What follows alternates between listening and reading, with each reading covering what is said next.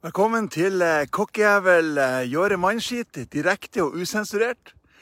I dag så sender vi faktisk her ifra Basecamp, eh, Basecamp i eh, Komsalaya. Eh, Det er et fantastisk flott vær, så jeg tenkte vi skulle sende, sende ifra ute. Eh, Det her blir jo også podkast, og dere må si ifra hvis lyden er dårlig eh, eller blir litt sånn skurrete pga. vind. Eh, Og da går jeg litt lenger inn i skogen og fortsetter sendinga derifra. Men inntil videre så starter vi i hvert fall her. Jeg har tent bål, som dere som ser livesendinga kan sitte og stirre på mens dere hører den deilige, ja nærmest sexy stemmen min i en hel time til ende. Kanskje enda lenger, kjenner jeg meg sjøl rett. Eh, Dere som ikke er like interessert i bål, dere kan sitte og se utover fjorden, Altafjorden her.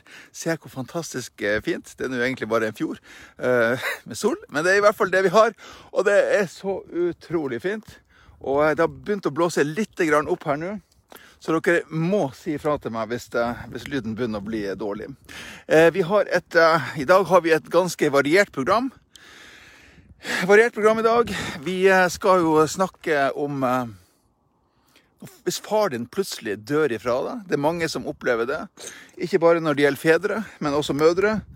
Men jeg har ikke opplevd det når det gjelder mødre, men jeg har opplevd at far min plutselig bare plutselig bare døde. Han, eh, han for under eh, for mange år siden. Eh, Det var jul. Det var andre juledag, tredje juledag. Og han bare eh, forsvant på havet mens de var på fiske. Og siden har ingen sett han. Og grava Han blir aldri funnet, og grava er tom. Det skal vi snakke litt om. Hva gjør det med en liten gutt? Hva gjør det med, med voksenskapet? Og klarer man seg egentlig uten en far? For det er faktisk noe som jeg har tenkt på opp gjennom hele min voksne tid. Klar, klarer ungene mine seg uten en far? Eh, De gjør jo det. Jeg har klart meg uten en far. Trenger vi far egentlig? Vi trenger mor. Det er vi alle enige om.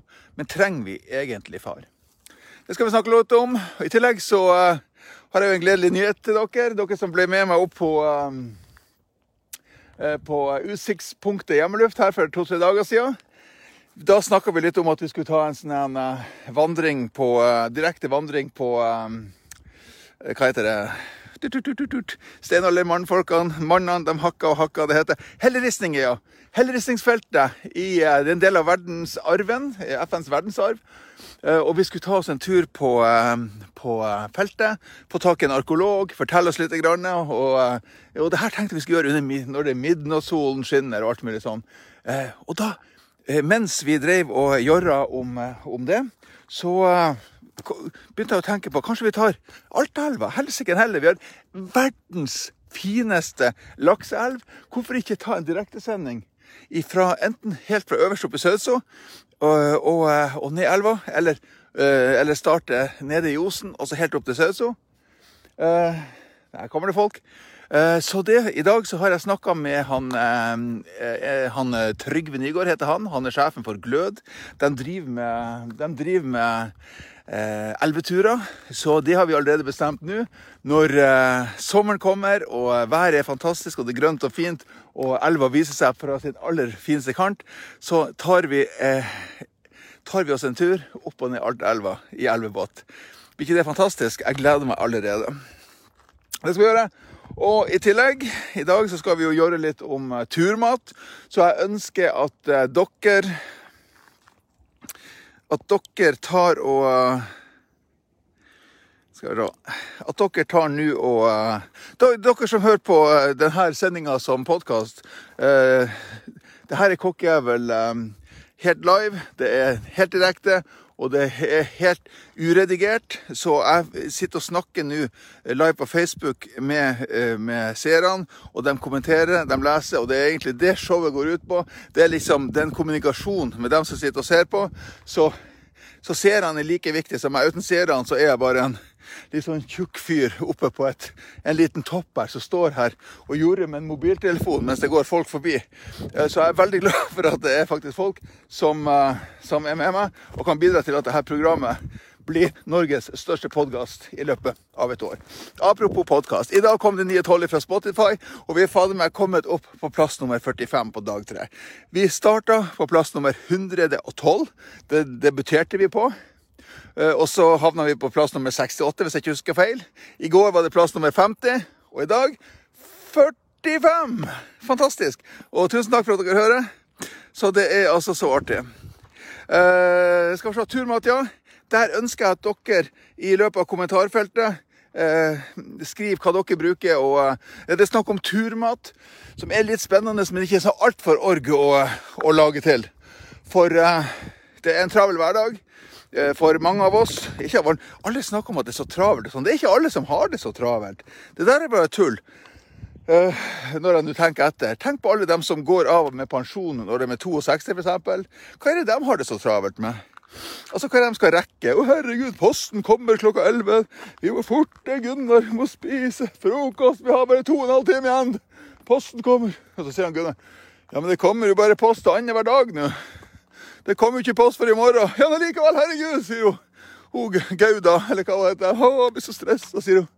Så hva er det de stresser med? Hallo, sier alle sammen. Hallo, hallo, hallo. Da er vi i gang.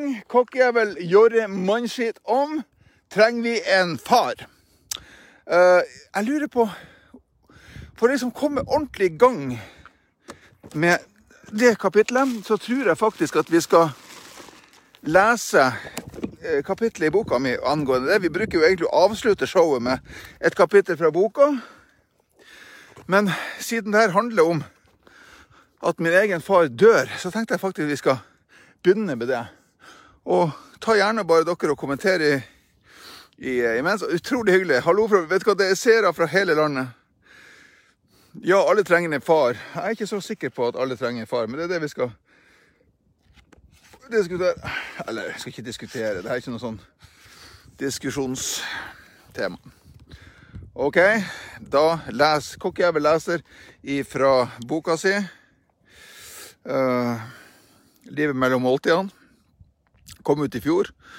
Uh, jeg leser på dialekt. Jeg leser med, med ja, sånn som jeg føler det skal leses.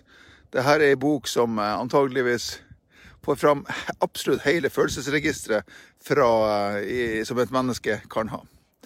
Vi har starta på begynnelsen, og i dag har vi kommet fram til kapitlet som heter 'Pappa'.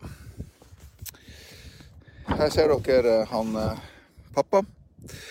Eh, eller dere som ser livesendinga, ser han pappa. Her er fra en tur i, i Lunkanfjorden, som det heter.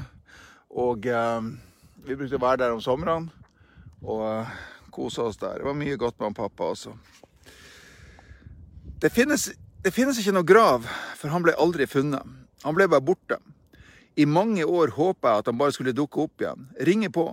Fortelle at han hadde tatt seg land på en eller annen holme der han hadde blitt tatt vare på av en gammel kone som levde i en enkel, men varm trehytte og livnærte seg på fisk og fugleegg. Men pappa ringte aldri på igjen. Det var kaptein som ringte. Tante R tok telefonen. Vi feira jula hos henne det året, like før kong Olav døde. På lille julaften hadde vi kjørt fra Sigerfjord da vi bodde i en leid lærerbolig. Sent på kvelden hadde vi kommet fram til Målselv, der tante bodde sammen med onkel og de to små ungene deres. Sjøl om det bare var en femtimers tur, husker jeg den som uendelig. Mamma var helt utkjørt. Vi måtte dytte til henne flere ganger under bilturen, bilturen slik at hun ikke skulle sovne. Hun var så trøtt. Det var et sjansespill, men vi måtte komme oss bort. Adventstida hadde vært for ond, for mye spetakkel. Nå skulle vi feire jul hos hun tante. Alt skulle bli bra igjen, bare vi kom oss litt bort. Lukta av furre slo imot oss da vi åpna døra, og, og det første og det første jeg huska fra stua, var et digert furutre. Hva i all verden er det som bruker furu som juletre? Ikke var det særlig mye pynt på det heller. En og annen dyr julekule og tolv lys. Ikke noe glitter, flagg eller barnehagepynt. Ingenting. Helt stillrent og sterilt. Kanskje det styggeste juletreet jeg noensinne hadde sett. Hjemme hos oss så kunne man jo knapt se treet, gran naturligvis, for all pynten. Både den vi sjøl hadde lagd opp gjennom årene i barnehage og skole, og masse kjøpt ræl. Jeg forsto det var liten vits i å skryte av treet vi, vi, vi hadde hjemme. Vi hadde jo tross alt reist fra det. Da var det ikke mye verdt til syvende og sist. Tredje juledag var det telefonen ringte. Alle samla seg i gangen, slik man gjorde før i tida når telefonen ga lyd. Jeg forsto med en gang at det hadde skjedd noe, for tante ble helt grå i ansiktet og begynte å gråte. Ikke sånn hulkende, men helt stille, med store tårer fra begge øynene. Hun ga røret til mamma. Telefonen var til hun. Og mamma knakk fullstendig sammen. Jeg forsto det var noen som var død, og at det måtte være en nær som ikke var gammel. Jeg hadde tross alt sett hun noen år tidligere da de ringte og fortalte at han onkel Øystein uventa daua bare 40 år gammel. Var noe med hjertet eller noe sånt. Det var så forferdelig å se på, men kunne ikke sammenlignes med det jeg var vitne til nå. Onkel og broren min var i slalåmbakken. De likte fart og spenning begge to. Litt sånn halvgæren. Helt motsatt av meg. Jeg har alltid søkt tryggheten, stillheten, roen. Nå har jeg mista broren min, tenkte jeg. Han er garantert kjørt inn i et tre og knekt nakken. Jeg hadde advart ham flere ganger om å ikke kjøre i skogsløypa og heller ikke holde, og heller holde seg der det var preparert og trygt. Men han hadde, alt, men han hadde aldri villet høre. Nå var det for seint. Jeg så for meg at jeg skulle bli helt alene i verden. Pappa er død, hulka og mamma fram. Det eneste jeg kjente, var lettelse. Broren min levde. Jeg skulle ikke bli alene likevel. En intens lykkefølelse spredde seg gjennom hele kroppen. Jeg skamma meg fryktelig umiddelbart, men jeg kunne ikke hjelpe for det. Selv om vi var forskjellige på nesten alle mulige måter, så var det broren min og meg mot verden. I alle, fra, I alle fall fra min synsvinkel. Han hadde flere i sin verden, var mer omgjengelig, mer normal, hadde lettere for å få seg venner og knytta til seg mennesker, også dem i familien, som pappa og morfar. Jeg hadde ikke overlevd hvis han hadde truffet det treet, det er jeg helt sikker på. Etter et par timer gikk det opp for meg at pappa faktisk var død, borte for alltid, og at han kom til å være det resten av mitt liv. Vi som nettopp, bare noen dager tidligere, liksom hadde funnet hverandre. Igjen etter flere år på leiting. Jeg opplevde at vi hadde blitt forsona, far og sønn. Alle klisjeene på en gang samtidig. Det skjedde egentlig ikke noe spesielt, men jeg tror det gikk opp for oss begge at vi var lagd av samme materiale. Han hadde gitt meg en klem før vi kjørte fra ham og jula. Sagt han var glad i meg. Mamma og pappa hadde skilt seg for et par, par år tidligere, og han bodde ikke hos lenger. Nå var han borte. Tanken tok pusten fra meg. Jeg trodde ikke på det. Ville ikke tro det. 13 år gammel. Barndommen hadde allerede vært altfor lenge. Men det var ennå mange år igjen å holde ut. Han pappa tok sitt eget liv. Han hadde sjansen til å bli redda, men tok den ikke. Det var havblikk. Ikke en krusning på vannet. Ingen dør når det er havblikk hvis de ikke vil. Mannskapet kasta ut livbøya til han. Han tok den ikke. Hold heller fast i det flere hundre kilo tunge garnet, sjøl om man visste det ville synke til bunns når de slapp det ut, for å kunne trekke det inn i båten igjen. Denne operasjonen tar flere minutter. Det visste han også. Han, livbøy, han lot livbøya være i fred, og ble med garnet til bunns. Han kom aldri opp igjen, sjøl om de lette i flere dager. Pappa tok sitt eget liv. Han orka ikke mer. Det siste er min spekulasjon, at han tok sitt eget liv. Det er jo ingen som vet hva som egentlig skjedde der ute. Han ble aldri funnet. Han kan ikke fortelle sin egen historie. Det er ikke alle i familien som er enig med meg. Men jeg tror at han pappa han fikk forsoning. Han eh, med meg. Han ble forsont med mamma. Eh, og jeg tror at eh, han hadde opplevd mye tungt i sitt liv. Han var ferdig. Hvis han slapp taket nå og gikk til bunns, så slapp han alle bekymringer. Jeg skal avslutte historien om pappa. Jeg skal ikke snakke så mye om meg sjøl. Med et dikt som jeg skrev for noen år siden. Jeg skrev det andre juledag, ei jul. Han døde jo tredje juledag. I eh, morgen dør far min, drukner, eller fryser i hjel. Kanskje begge deler. Det har han gjort medan jeg var bare guttungen. Vi minnes han med et ljos, og holder fram med dagen.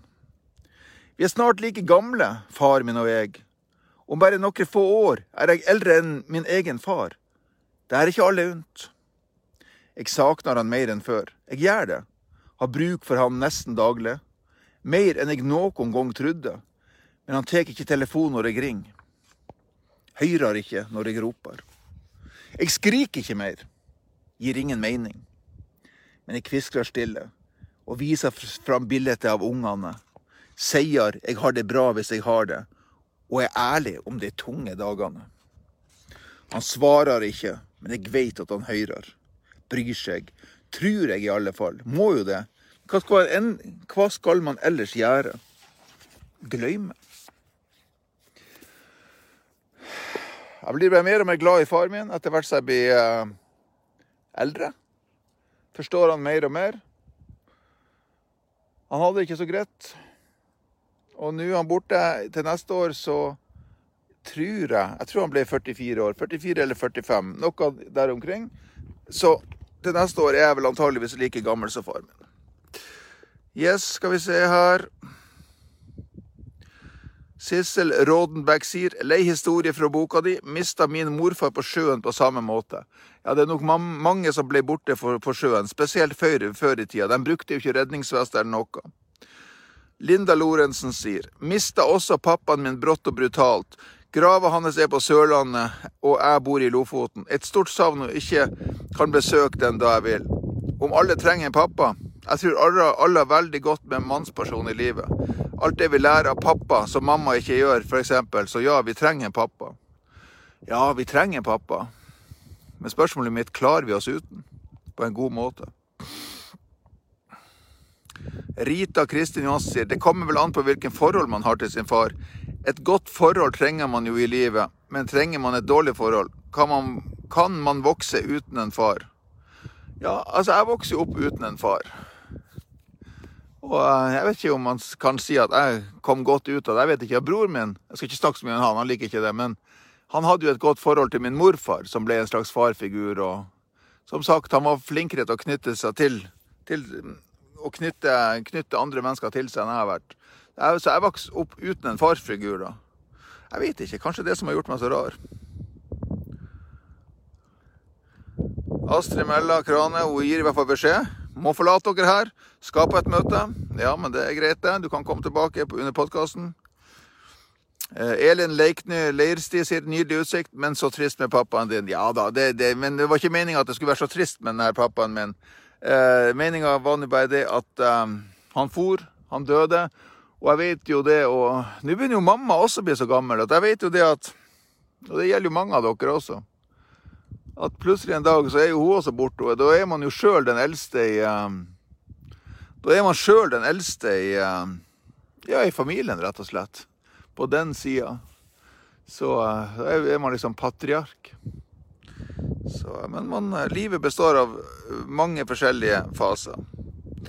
Olene Renate Hanebø sier var så heldig og fikk en god stefar som jeg har ennå. Tror både jenter og gutter trenger en far. Jeg starta på boka di for jul, måtte bare legge den bort for jeg bare gråt. Fint å høre når du leser sjøl. Den er ikke bare trist, den boka. Det er fine ting også. Men ja, den er skrevet i en trist periode, og det har skjedd mye trist. Hei sann fra Tønsberg, sier jo Ingunn Nordbø Barth. Boka er lest. Gleder meg forresten til turen i Altaelva. Du er bare herlig. Tusen takk. I, I know. Nei da. Ja, jeg gleder meg også vanvittig til turen i Altaelva. Som sagt, så Før i tida da jeg var ung og, um, ung og, um, ung og viril, holdt jeg på å si, ung og sprek, så uh, brukte jeg å ta ei uke sommerferie fra jobben min. Og så for jeg opp i elva og uh, kokte, som det heter. Lagde mat til uh, Lagde mat til de her eh, rike og berømte lordene. I hvert fall rike. Og det var helt oppe, helt oppe i Sautso. Fantastisk å være der ei uke. Og eh, oppe i Sautso så er det liksom bare to stenger, hvis jeg ikke husker feil. Det vil, det vil si at det er bare to stenger som får lov til å fiske samtidig, så det var aldri mange gjester. Så det var kjemperolig. Det var, det var helt fantastisk. Og bare, bare lage litt mat, drikke litt øl hele dagen. Skal vi se her om det er flere som har kommentarer på det her å miste sin far. OK, la, la, oss, la meg stille spørsmålet på en annen måte. La oss være litt seriøse her. Vi kan ikke bare gjøre mannskitt. Hvis du hadde fått valgt, og nå må du være ærlig Hvis du hadde fått valgt, hadde du ville ha valgt å miste far din for alltid eller mor din for alltid? Hvem hadde vært verst å miste? For sånn har jeg mange ganger tenkt når det gjelder meg sjøl. Hvis jeg reiser og alt mulig sånn, eh, så har jeg tenkt at det er ikke så farlig hvis jeg dør. De har i hvert fall mora si. Hvem hadde vært Og ikke si sånn at begge, jeg vil ha savna begge like mye. Jeg tror ikke det. Og hvem er det man roper etter når man ligger og drukner ute i, i havgapet? Er det ikke mamma man roper? Eller Gud? Enten mamma eller Gud, tror jeg. Når det virkelig står om. Man kommer ut av mora, og det er mora som steller deg, og det er mora som tar seg av deg, og det er mora som ammer deg, stort sett, når du er liten. Så eh, det Og det der er et, et av de store spørsmålene som jeg alltid har eh, grunna over siden jeg sjøl er far, og spesielt nå når jeg er blitt far i, eh, i voksen alder og ser hvilken fantastisk jobb hun eh, Kristine gjør med lillebror og sånn. og og ja da, de er glade når jeg kommer hjem, og han er veldig glad i meg, alt mulig. Men det hadde gått helt fint hvis jeg ikke hadde kommet dit. Det hadde vært trist, selvfølgelig. Altså, men hvis du ser bort fra det triste Det hadde gått helt fint hvis jeg ikke hadde kommet hjem uh, og, uh, og, og, og, bare, og bare blitt borte. Hvis du ser bort fra det økonomiske og alt mulig sånn, så hadde han lillebror klart seg helt fint i livet, tror jeg. De hadde klart seg helt fint. Og det er en det er både en ond tanke, og det er en, en god tanke. Marianne Louise Fischer sier hadde vært verst for meg å miste far min. OK? May-Britt Bråten sier mista mamma for fem år siden savn. Ja, det klarte jo. Monica Hasten Aune sier har mista begge mine foreldre, men savner mamma mest. Bjørg Elstad Søyse sier jeg var pappajente da jeg vokste opp, så jeg kan ikke tenke meg å vært uten. Margit Bråten sier mamma. Helene Wirkola, hei, ja, ja, du var med, ja! Sautso! Det var hyggelig, det var artig i uka. Uh, Monica Hausten Aune hun bryr seg ikke om verken mor eller far, hun bare ser på utsikta. OK. Da skal vi la Nei. Jeg roper definitivt på pappa. Jeg er ikke så sikker på det, faktisk. Ja, Nå vet jo ikke jeg hva du har opplevd i livet, så jeg skal ikke begynne å krangle på hvem du, eh, hvem du, eh, eh, hvem du hadde ropt på. Men, men, jeg tror det er ganske sånn Og det her kan jeg jo si som mann, da.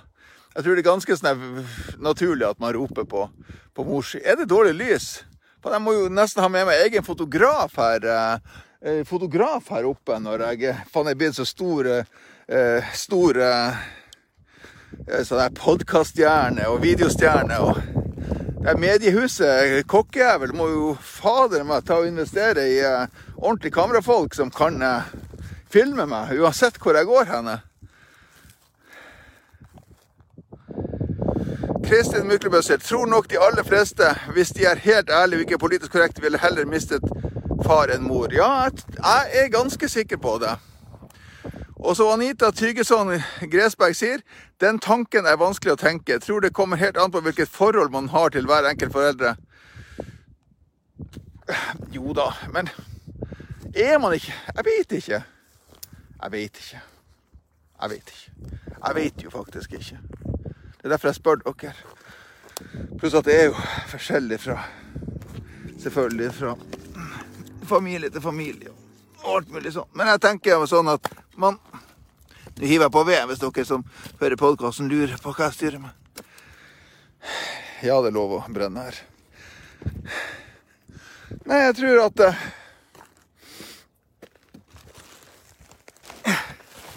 At man kommer nå ut av den mora så, og ammer de puppene. Og Sissel Rådenberg sier det var verst for meg å miste min snille mormor. Hun gikk bort når jeg var 13 år. Savner henne ennå, besøker hennes grav i Nordvågen, Honningsvåg. Ja, men har du, vært, har du mista foreldrene dine? Jeg prøver å se på bildet ditt, men du ser ikke så gammel ut at du har gjort det. Gunhild Adde sier mista Hører dere hvor fort andpusten jeg blir? Bare legg på litt ved. Ikke bli tjukk. Gunhild Adde sier mista begge mine før jeg var 28, og jeg savner begge. Men da jeg var barn, hadde det nok vært verst å miste mor. Men som voksen savner jeg begge like mye. Ja, det, det kan, ja, klart når man er voksen, så Nå når jeg er voksen, så det er veldig mange 43-åringer som er uten far og uten foreldre. Det skal liksom være sånn. Det er liksom naturens gang. og Det er klart det er trist og sånn, men, men uh, det er den veien det går. Så uh, Vibeke Dambakk sier nei, det er bra lys. Og det er bra lys. Det er bare skjermen min som Linda Lorsen, tror det bunner i hvordan forhold man har til foreldrene. Jo da, det er klart. Det er klart nå, Og så er det selvfølgelig masse uh, stygge historier rundt omkring, og veldig mange stygge foreldre. og altså, Nå tenker jeg ikke på utseendet. Mange stygge utseende også. altså, Bevares meg vel. Herregud, det er mye stygge folk. Å, herregud. Men det er for at jeg sammenligner dem med meg sjøl. Når man liksom sammen ser på folk, og så tenker jeg hvor heldig jeg er som har fått utlevert, altså blitt så velsigna fra naturens side med så flotte trekk. Og så går hun der, sånn som jeg, for eksempel. Ja, litt sånn, litt, Jeg har de, selv om jeg er tjukk, men jeg har sånn stramme, flotte rumpeballer. og Magen min den er ikke kvapsete, den ser ut som en, en trillebår. Altså en stram trillebår. Så uh, så klart, sammenligna med meg, så, så, blir jo de fleste stygge. Klart det er noen som er penere enn meg, men det er faen ikke mange. Uh, Elin Olavsen sier 'velger mamma'. Så er hjertet, selv om jeg savner pappa veldig. Han har vært borte fra oss i to år. Vanskelige valg. Ja, det er et vanskelig valg. Uh, Vibeke, mist, vi mista pappa i barndommen. Hadde, mistet, hadde, hadde vi mista pappa i barndommen, hadde vi mistet hus og hjem. Jeg skjønte ikke den helt, men Harriet Martinussen, for et nydelig vær. Ja, du vet, det er Det er så fantastisk vær. Og etterpå Nå er jeg jo på Basecamp, da, men etterpå så skal jeg gå opp, eh, gå opp på toppen igjen. Og eh, liksom ta den turen. Jeg tror det er tur nummer eh, 25 i dag. Kjersti S. Iversen til tror det varierer veldig når man mister sine foreldre. I yngre alder så vil nok de fleste savne mamma mest. I voksen alder er det noe ulikt hva de forskjellige mener. Ja, da kommer det nok an på liksom hvem man eh, er mest hos. og, og, og, og snakke sånn. Så jeg ser eh, hun Jeg skal ikke bli for personlig her nå, men jeg ser hun Kristine, konemor. Hun har jo et voldsomt eh, tilknytning til begge foreldrene og er på besøk der flere ganger i uka.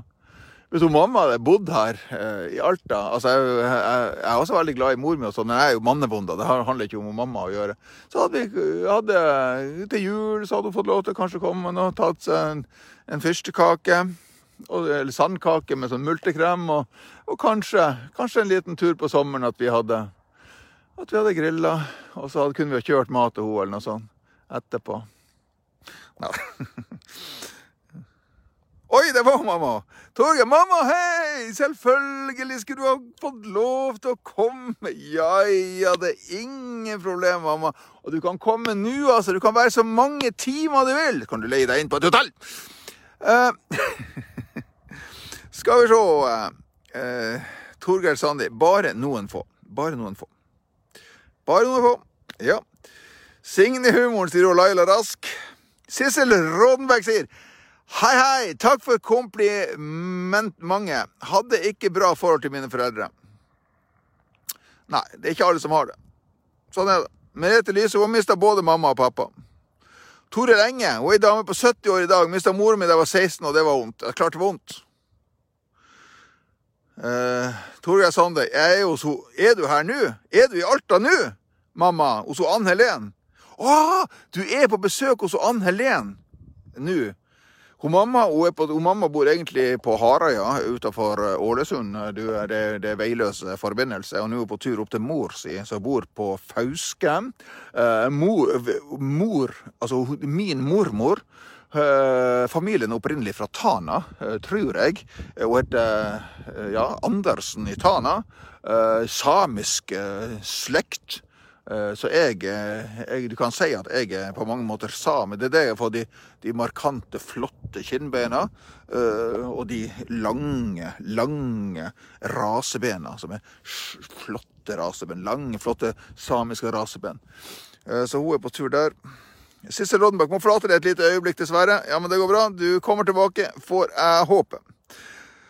Ålreit, jeg føler at vi er litt sånn utprata om uh, fedre som uh, dør. Uh, jeg har jeg lyst til å dø, har jeg mange ganger tenkt på.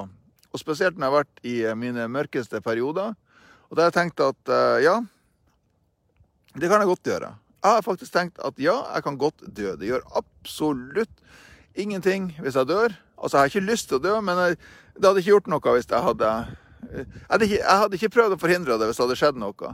Og det har jeg mange ganger tenkt på, også når vi går tilbake til uh, uh, slutt å snakke om grå hår, Evelyn Ulriksen. Må du også legge vekk den der eh, Baileys-flaska her nå tidlig på ettermiddagen. Må du også slutte her. Nå er det på tide å sette på korka. Jeg har ikke grå hår. Hvis du sammenligner med en grønn kvist, selvfølgelig, så har man jo grå hår. Uh, så det, det, har jeg Det har jeg mange ganger tenkt på med pappa også, med den livbøyla og alt mulig sånn, at han uh, Kanskje han var deprimert. For det var jo Uff, det var mye trasig med han pappa. Og så kanskje, når han endelig fikk muligheten uten å liksom gjøre noe aktivt sjøl, så tok han, tok han faktisk den muligheten, og så gikk han bare under. Så døden Døden er vanskelig. Kristin Myglebø, samiske raseband. Ja, men jeg har samiske raseband. Skal vi se om jeg klarer å vise dere dem? Dere som ikke Jeg klarer ikke å vise dere dem på podkast, men uh, Også, Herregud. De er nesten like lang som en arm.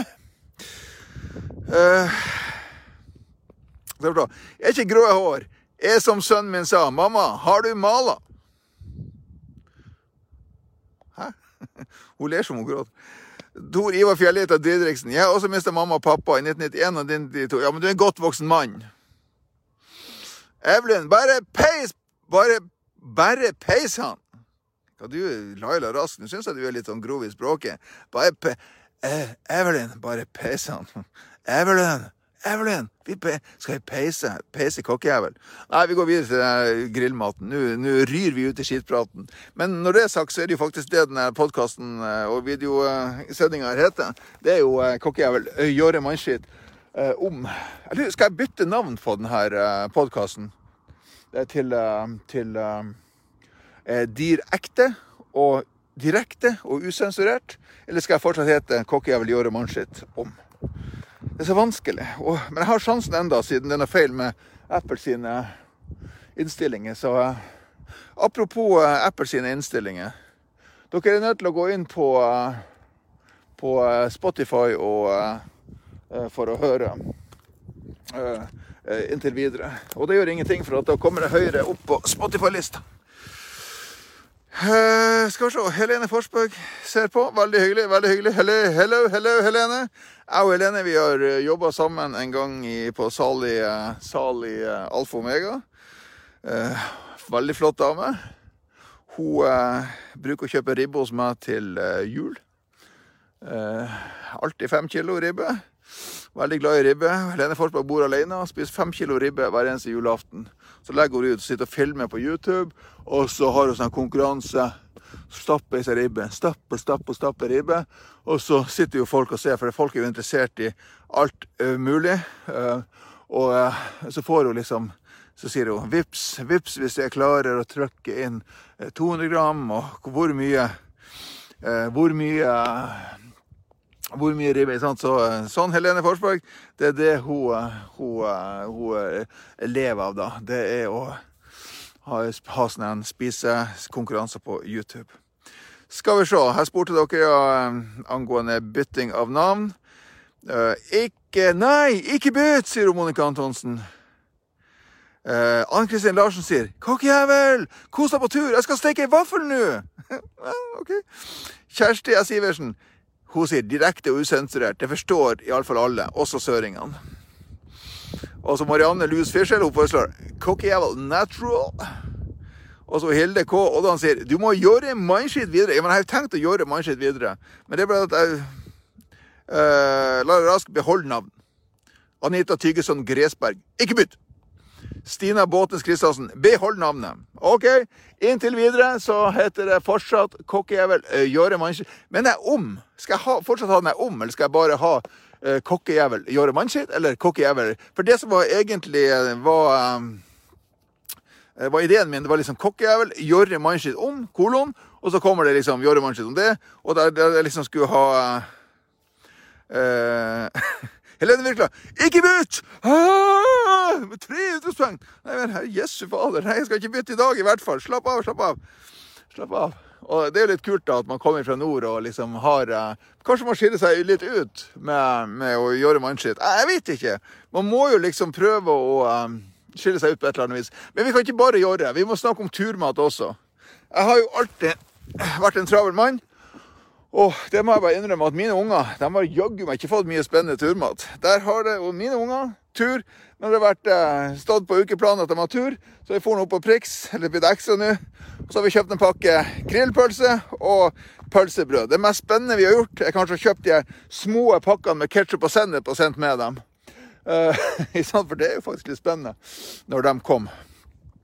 Og jeg helt ærlig så tror jeg faktisk uh, uh, eh, Lina Lorsen. Kokkejævel gjøre Mannskitt. Ikke noe om. Ikke noe om. Ja vel. Eh, og helt ærlig så tror jeg faktisk at unger egentlig vil ha det enkelt på tur også. Eh, og når du ser på alle de her Egentlig så er vel kanskje de her spennende turmatene, i hvert fall til ungene, er vel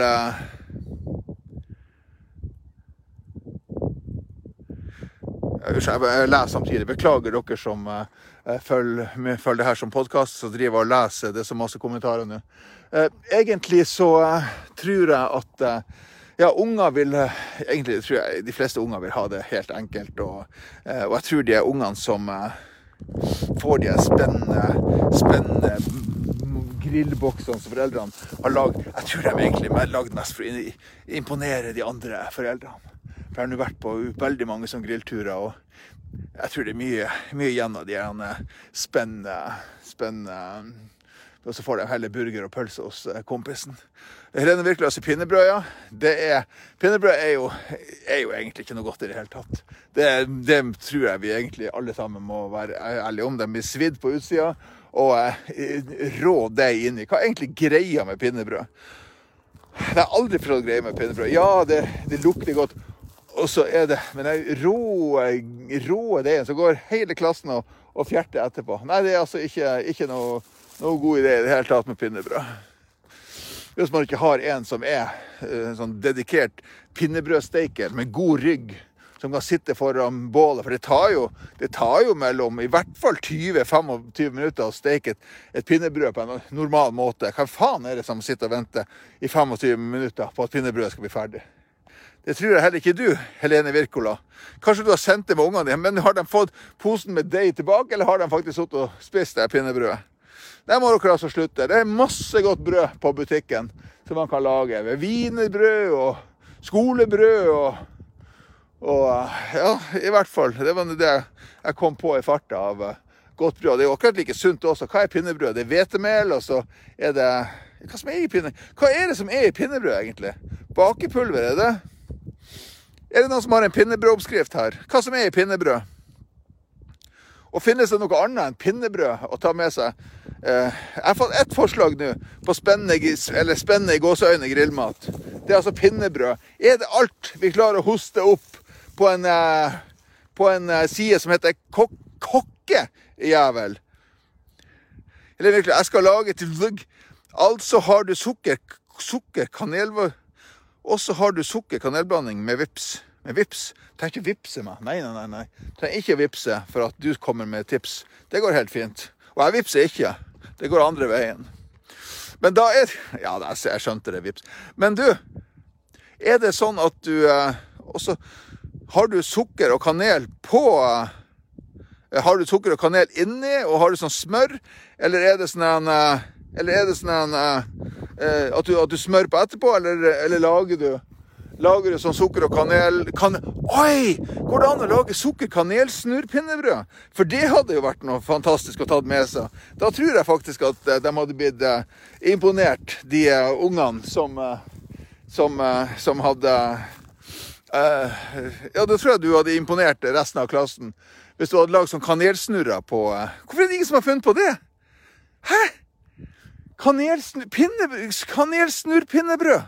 Det syns jeg eh, Det må dere lage, dere som, som fortsatt har unger. Og det kommer garantert når han, når han lillebror blir, blir, litt større og vi skal på sånn klasseturer og sånn, så kommer han alltid til å bli han den irriterende gutten som alltid har så mye fantastisk godt med seg. Nå har jeg blitt så gammel at nå har jeg skal, skal jeg ha tid til å lage masse spennende og imponere alle foreldrene og bli han der snobben. Å gud, jeg hater sånne snobber. Å herregud. Jeg har hatt så mange Gått på så mange foreldremøter, vært på så mange sånne turer og alt mulig sånn. Og så Det finnes så ufattelig mange foreldre som eh, vet ja, Foreldre er jo omtrent som befolkninga for øvrig. Som, uh, som vet som er, de er som blir bedre enn andre. Åh, så glad jeg slipper det akkurat nå. Det er som Kvinneguiden i virkeligheten. Skal vi se Lene Lene Renate Hanebo. Guttene mine brukte å legges, lage seg oste. Det brukte faktisk vi også. Ostesmørbrød på grillen. Vi hadde, oste, vi hadde ostesmørbrød og så eh, med sånn eh, margarin på. Og så eh, hadde vi uh, aluminiumsfolie på. Det trenger ikke å være noe. Det, det, det, det, hadde jeg faktisk glemt, Lene Renate Hanebo. For det er faktisk fantastisk. Men da må man passe på at man ikke svir dem. Kanelsnurrevafler. Kanelsnurrevafler. Hvordan klarer du å lage det? Altså, Jeg skjønner jo smaken, det er jo ikke noe problem. Men en kanelsnurr, det skal snurres. Hvis ikke, så er det, det mikser du med ordene. Du kan ikke kalle noe for en snurr hvis det ikke er en snurr. Hilde, Hilde K. Odden. Tips til tursnacksmat. Bacon snurra rundt en bananbit og stek grill det på bålet. Det er først av digg, det. Vet du hva? Nå syns jeg du også skal legge vekk den brennevinsflaska. Bacon og banan! Hæ? Nei, må du også slutte. Først så trodde jeg at du skulle, skulle komme med tips og snurre bacon rundt ei pølse. Og selv om ikke det er så originalt, så er det i hvert fall godt. Men bacon og banan Eller, du, når du sier det Nei, faktisk. Glem det. Jeg tror ikke det. Men jeg skal prøve det, faktisk. For det hørtes så sinnssykt crazy ut at jeg faktisk skal teste det neste gang. Jeg skal sende det med lillebror. Skal han teste det når han drar uh, på tur med barnehagen? Det, skal, det, er sånne ting han skal få. Bacon og banan. Yeah! Hva du har med deg, lillebror? Jeg vet ikke. Har du noe jeg kan få smake? Uh, uh, bacon og banan. Uh, og så sier hun Kristin Myklebøst avansert mat i matboksen til barn. Snakk om å lage arbeid til seg sjøl. Begynner du i første klasse, så har du ti år med sølvforskjølt unødvendig arbeid, etter min mening. Syns overraskelsen bør ligge i om det er leverpostei eller ost på skiva. ja, nå var det nå Nå var du nå veldig Det går nå an å legge på en agurkbit, kanskje, eller Hæ? Det trenger ikke være helt altså, Det er forskjell på å barbere seg og, og stå og sage strupen over. Gå ned og legge litt. Får du unger, så får du gjøre litt innsats for at de skal få litt variasjon i ti år. Uh, skal vi se Trude Beate Johnsen sier 'steike snurrene i vaffeljernet'. Uh, steike snurrene i vaffeljernet. Altså, du lager en kanelsnurr, og så presser du den ned i et vaffeljern. Det skal jeg faktisk ta og prøve, for det høres veldig godt ut. Men det er fortsatt ikke en snurr, for da er det jo pressa flat som en vaffel. Ja vel. Kjersti S. Iversen. Mais i alufolie med smør er også en favoritt og enkelt. Ja, det er jo for så vidt eh, enkelt, men en favoritt Favoritt for hvem, egentlig? Hvem er det som fant ut at mais var en sånn fantastisk ting å ha på, eh, på, eh, på bålet? Eller på grillen i det hele tatt. Jeg har aldri forstått det. Det ser jo godt ut. Og sammen med sånne biffrestauranter som liksom har en sånn halv mais som Skal man sitte der og gnage mais? Og spesielt når man liksom er sammen med andre, så får man sånn gule Om man faen er gul nok på tennene, om ikke så faen skal ha gult mellom tennene også. Nei, vet du hva? Nei, det er ikke noe jeg hadde bedt om hvis du hadde gitt meg det. Det skal jeg bare fortelle deg. Så det, den eh, kan du få for min del. Men takk for tips. Eh, bacon er supert og enkelt på grillspyd, sier Anne Lise Ekrem. Ja, det er i hvert fall enkelt. Det er altså helt sikkert. Hvis du bare tenker på bacon. Tenker du på bare bacon? At du liksom, jeg, jeg, vi har et program her som vi ber om grilltips. Tips ifra uh, deres årer. Og så sier du bacon. Ja, hva du gjør med det baconet? Er det sånn at du åpner pakken? Eller Hæ?! For steike det! Er det alt? Er det tipset? Har du noe Skal vi se. Marianne Louis Fischer sier kjøttkake, kebaben. Kjøttkake, kebaben og deig til pitabrød. Uh, jeg har fått beskjed om at jeg ikke må klage når dere skriver noe som jeg ikke forstår, for da eh, latterliggjør jeg folk med dysleksi. Så nå skal jeg prøve så godt jeg kan. Kjøttkake slash ke kebaben og deig til pitabrød. Jeg tenker litt på den, eller skal jeg faktisk bare Hei, det går faktisk an å si fantastisk tips! Utrolig bra! Det skal jeg prøve. Snus. Uh, Trude Beate Johnsen sier 'kanelsnurrer'. Uh, var det et tips? Hva du gjør med kanelsnurrene? Steker du dem rå, eller varmer du dem opp? Putter du dem i folie og varmer dem opp? Uh, den skal du få en nobelpris for. Det hadde, det hadde ingen funnet på før. All right. Lene Renate Hernebo er her igjen med sin banan. Banan med sjokolade inni, folie og på bålet. Grillen. Ja Ja. Er et eller annet med den bananen som gjør at jeg blir litt sånn Nei da. Banansjokolade, ja. Jeg vet ikke. Men hvem er det som Hvis du dropper banan Sånn sjokoladeboller, f.eks. Hvem er det som fant på Jeg skal ikke dra den, jeg blir bare forbanna. For i begynnelsen, Nå vet man jo at det er sjokoladebiter ofte på bensinstasjonene. Men i begynnelsen, når man liksom kjørte på bensinstasjonen og skulle kose seg med fem-seks boller med rosiner i så kommer man ut, og så kjører man videre. Og så, ah, så er det faen meg sjokolade i bollene! Hvem, er det som finner på det? Og nå er det, og det, nå er det liksom eh, Jeg tror de selger over halvparten med bollene er sjokolade i. Folk er gale. Skal vi se. Hilde K. Oddan. Ja, søtt og salt. De skal visst ned banan med bacon hun snakker om. Trude Beate hun klarer ikke å glemme kanelsnurrevaflene, så hun skriver det er derfor det heter kanelsnurrevafler. Ja, men jeg er ikke enig i det.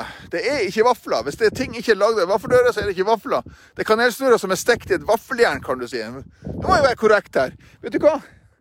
Akkurat i disse dager det, Jeg er ikke, jeg er ikke ufin, altså. Jeg er ikke sint, mamma. Og mamma sier at jeg virker så sint på, på de programmene. Jeg er ikke sint. Jeg er forbanna! Forbanna! Ikke sint! Nei da. Uh, jeg jeg eh, har en redaktør i forlaget, eller ei som liksom rens skriver manus, og hun har vært eh, sånn redaktør på mange, mange kokebøker, bl.a. Eh, Ingrid Espelid Håvig. Og er veldig så nøye med Det heter ikke, det heter ikke fersk, det heter friskurter. Sånne ting.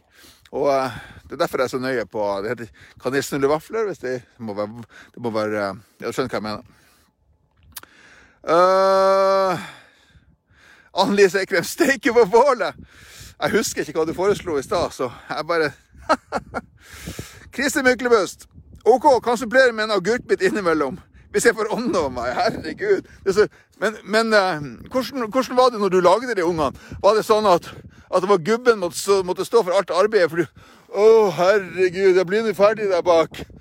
Og så og så når du skal føde dem, så 'Herre, jeg orker ikke det her. Kan du ikke skjære ut den ungen?' Det er så mye styr. Herregud, altså. For en latsabb. Hvilken jobb har du egentlig? Jeg skal ikke si jobber i kommunen, men uh, Svigermor uh, jobber i kommunen, så vi bruker å ha litt. Uh, og Elin Olavsen sier 'Herregud, snurr det baconet rundt pølsa'. Enkelt. Ja, men enn hvis du ikke har pølse med deg, hvis du bare har karbonader fra Kranes kjøkken Jeg lurer på om jeg skal begynne å få sånn en uh, Hva er klokka? Jeg må holde meg under en time. Hun mamma sier at jeg er nødt til å holde meg under en time, hvis ikke går folk lei og slutter å se på meg. Så dere må si ifra når klokka nærmer seg sju. Er det greit? For jeg har, ikke, jeg har ingen klokke.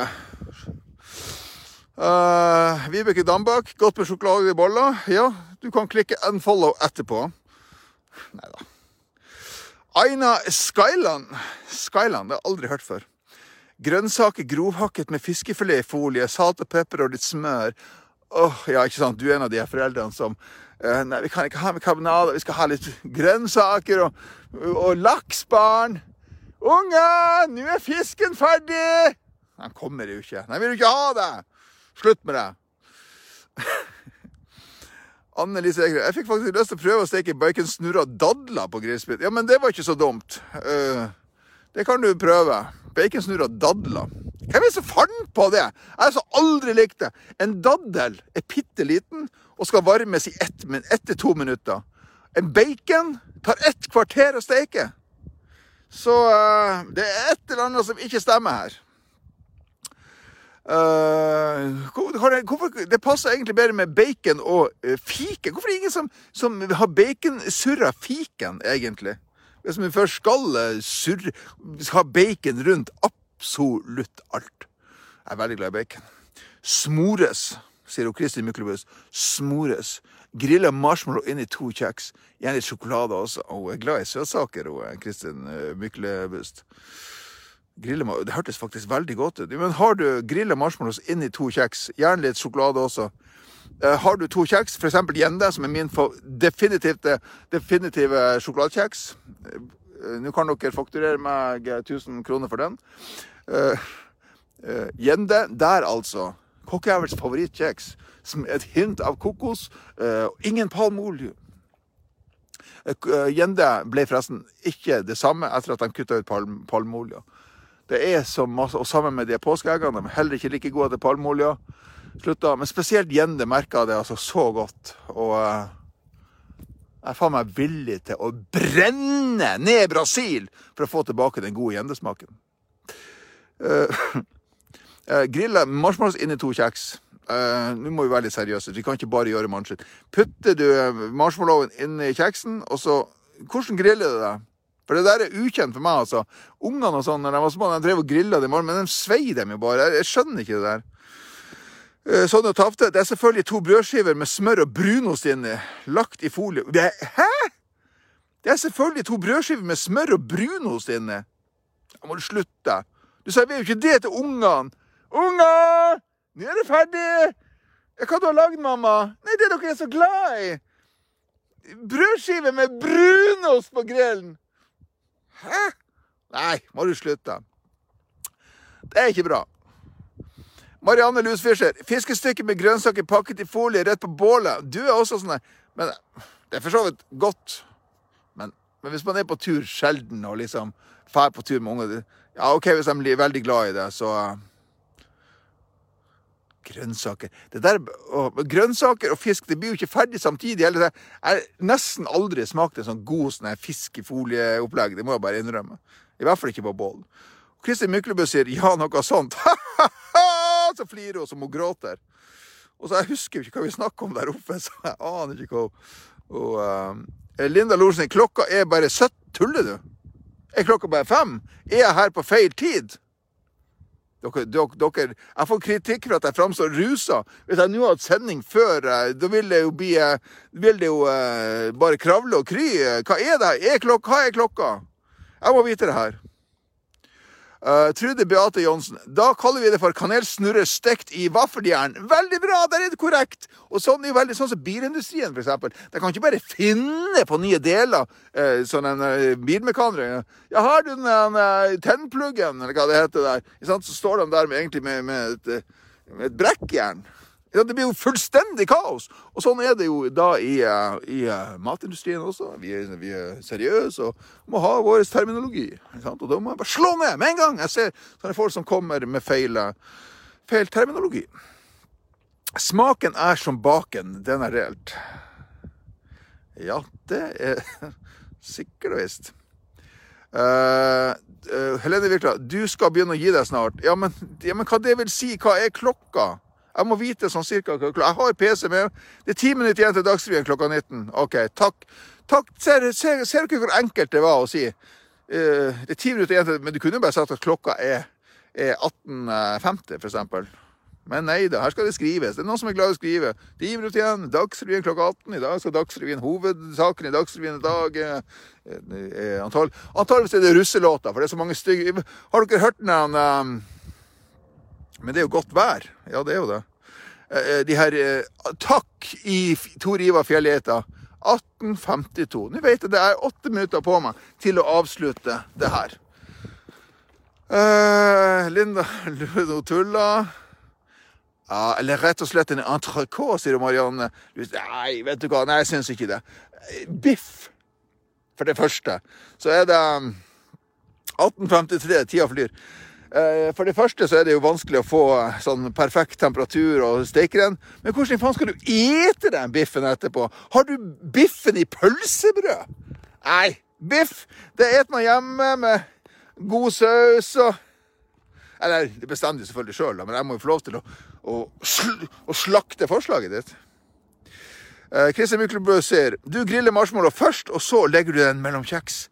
Ah! Det høres deilig ut. Enn den sjokoladen, da? Griller du sjokoladen nå, da, eller?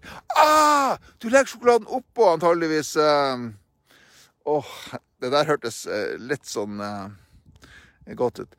Pakk inn litt pannekaker i folie. Takk! Endelig noen som snakker ordentlig her! Og jeg er så glad i pannekaker.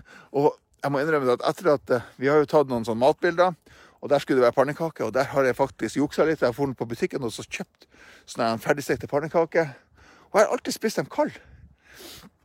Men så smakte jeg på en sånn pakke. En, en sånn pakke. Å, i helvete! Plutselig var hele pakken borte. Jeg tror det var nesten tolv pannekaker. Og jeg skulle ha den dagen etterpå. Jeg sier til Kristin hva i helsike, pannekakene, har du spist dem opp? Nei, du har spist dem opp sjøl, Asbjørn. Jeg merka faen ikke at de trykte det ned i meg. Å, de var så gode. Ja, ja, jeg vet hva klokka er nå. Takk. 18, og er jo 1854 plutselig. Eh, forskjellige varianter av Forsvaret, proviant, enkelt og godt. Nei, vet du hva? Ragnhild H. Fredriksen Sundheim. Jeg har faktisk vært i Forsvaret, skal jeg fortelle deg. Jeg har riktignok sittet eh, rundt eh, Forrige gang jeg var på øvelse, så satt vi rundt et bord. Og det kunne gå flere timer mellom. Når vi bare for å ha noe å gjøre, så brukte vi å røyse oss opp og skifte stoler. Eller Og plutselig så fikk vi panikk! Da var det en som hadde mista kaffekoppen og sølt masse kaffe utover hele gulvet Nei, ikke gulvet, men, men bordet. Og det var helt ville tilstander. Vi alle sammen vi røyste oss opp, og hva, hva gjør vi nå? Og heldigvis var det en av en ung sånn rekrutt. Han visste råd. Han for og hentet papir eh, inne på, på, badet, og så fikk han tørka opp. Og, eh, og vi gamle gutta vi kunne uh, sette pulsen gikk ned. Og, uh, og, vi kunne si til sjefen, alarmen hadde gått, at det, det her ordna seg til best for oss alle. Og det var den siste øvelsen jeg var på. Det var den dramatikken. Skal, no, ja, det var det poenget var. Sånn eh, forsvarsproviant. For vi satt jo og spiste hele tida. Um, og denne provianten må helt meg vann på den. Nei, godt er det ikke. Uh, OK, nå er det sn pølse, snurrer med hvitost og bacon i vaffel er nydelig. Ja, OK. Vi sier at det var siste vi sier at det var siste um, forslag i dag. Da uh, er det blitt ny uke nå, og jeg har uh, fått mer plan over, over de her sendingene mine. Så neste sending blir ikke før på onsdag. Da er i hvert fall hovedtemaet For det er jo Kristi himmelfart på torsdag, så hovedtemaet er Er den sann? Denne historien om Jesus? For han opp til himmelen? Eller er alt bare opp, oppspinn og tull fra ende til annen? Det skal vi finne ut på uh, onsdagen. Yes, da gjenstår det bare for meg å si til dere at uh, klikk dere gjerne inn på bloggen min, kokkejavelblogg.no. Der vil dere finne et rikt utvalg både av, eh, av eh, mannskitt, altså gode og dårlige historier, men også et rikt utvalg av gode oppskrifter. Jeg har ingen dårlige oppskrifter som jeg legger ut av. Jeg, jeg gjør masse feil når jeg lager mat, men det forteller jeg ingen. Så de oppskriftene jeg har, de er veldig gode. Så uh, klikk dere inn på kokkejavelblogg.no. Det er der jeg inntil videre tjener mine penger. Så uh, håper jeg at uh, dere eh, fortsetter å høre meg som podkast. Anbefaler meg til deres venner, uh, eller uvenner, uh, på Facebook, Instagram og sånn. Og etter hvert så vil Apple også komme opp og stå, men inntil videre så må dere bare høre meg på, på Instagram. OK, da vil jeg bare avslutte med et fantastisk overblikksbilde av basecampen her på Komsalaya. Sånn ser det ut her i Alta akkurat nå. Dette er mitt liv. Det er tur nummer 25. Og eh, det er bare 75 turer igjen. Neste uke så skal vi opp dit, på Nordtoppen. Som dere ser, så er det et litt annet fjell enn eh, Komsa, men opp dit skal jeg. Og eh, dere skal selvfølgelig bli med. Vi skal, I løpet av sommeren skal vi dra til Sautso. Vi skal uh, jeg skal gjøre så mye artig i løpet av sommeren, så uh, bare uh, følg med. Og skal vi lage litt mat også, selvfølgelig. Vi kan ikke bare gjøre mannskitt. All right. Da gjenstår det bare å si vi smattes, kulinester! Ha det! Ja Ja! Og så prøver vi igjen! For vi klarte ikke å trykke på knappen, for vi er 43 år og har en eh, teknisk innsikt som en meitemark. Vi smattes! Nei, vi må gjøre sånn. Vis vi smattes! Ja, trykk der.